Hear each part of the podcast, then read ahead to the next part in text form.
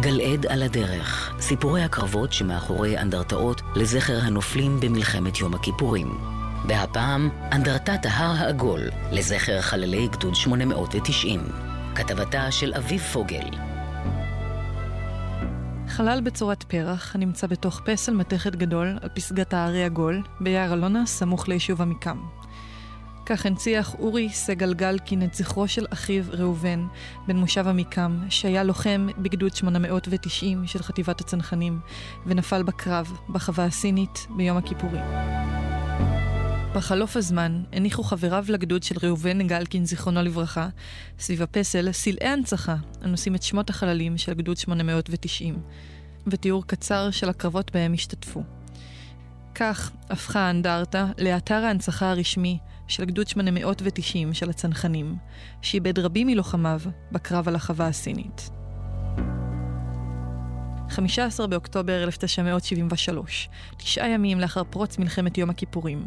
המצרים שולטים בחלקים נרחבים לאורך תעלת סואץ, וצה"ל יוצא למבצע אבירי לב, בפיקודו של אריאל שרון, במטרה להעביר את הלחימה לגדה המערבית של תעלת סואץ, ולכתר את הכוחות המצריים שעברו מזרחה. זאת באמצעות הקמת מסדרון, שדרכו אפשר יהיה לאפשר את צליחת התעלה. על חטיבת השריון 14, בפיקודו של אלוף משנה אמנון רשף, הוטל לכבוש אזור במערב סיני, שכונה החווה הסינית.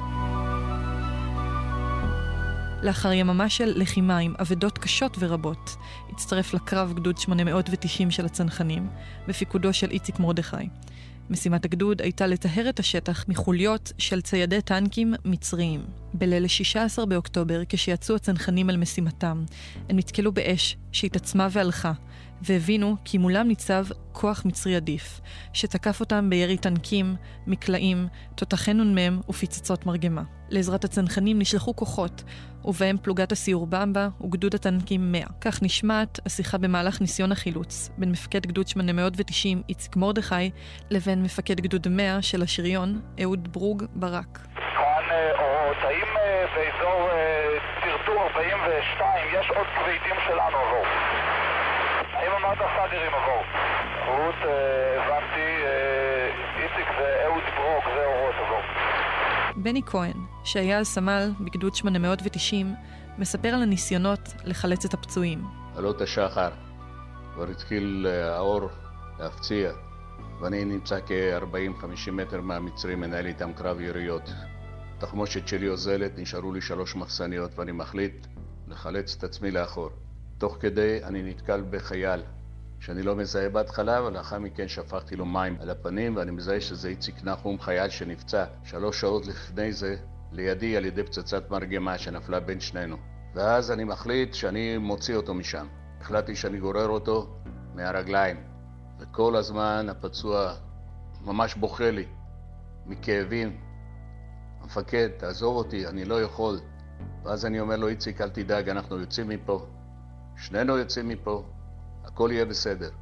איך שאני מתרומם, אני חוטף כדור, ואני עף קדימה, אני שומע אותו, המפקד, המפקד, אל תעזוב אותי, אל תעזוב אותי. זוועה, זוועה, אבל עשינו את מה שעשינו. אני רואה איזה נגמש, איזה מאה מטר דרומית-מזרחית לנו. אני מנפנף ככה עם החולצה, הוא הגיע עד אליי, ואנחנו מעלים את איציק נחום. אני עולה על הנגמש, תופס את המאג, הרגשתי ביטחון. עוד באותו יום, גדוד 890 חולץ ממרחב החווה הסינית. ולמחרת, לאחר ארבעה ימי לחימה בחווה הסינית, ועל אף כישלון המשימה המקורית, אפשרה הלחימה הקשה את המשך תנועת הכוחות אל עבר התעלה. בקרב החווה הסינית, נוסף לחיילים מיחידות נוספות, נפלו 40 מחיילי גדוד 890, וקרוב למאה נפצעו. עבור לוחמי הגדוד והמשפחות השכולות מאפשרת האנדרטה להתכנס ולהזכיר את חבריהם שאינם, כפי שמספר בני כהן. משפחות שכולות באו אליי ואמרו לי, אנחנו היום נוכל לבוא איתכם לפה, לשבת סביב האבן ולספר סיפורים, וזה מה שיש היום וזה מה שהיה. אני אוסף את המשפחות עם החיילים הסדירים של עכשיו, עם החיילים שלחמו ביום כיפור, ואנחנו יושבים עם המשפחות השכולות ומספרים על הנופלים. גלעד על הדרך, כתבתה של אביב פוגל, ייעוץ המחלקה להיסטוריה בצה"ל. את תיאורי האנדרטאות לזכר הנופלים ואת מיקומן אפשר למצוא באתר יזכור של משרד הביטחון.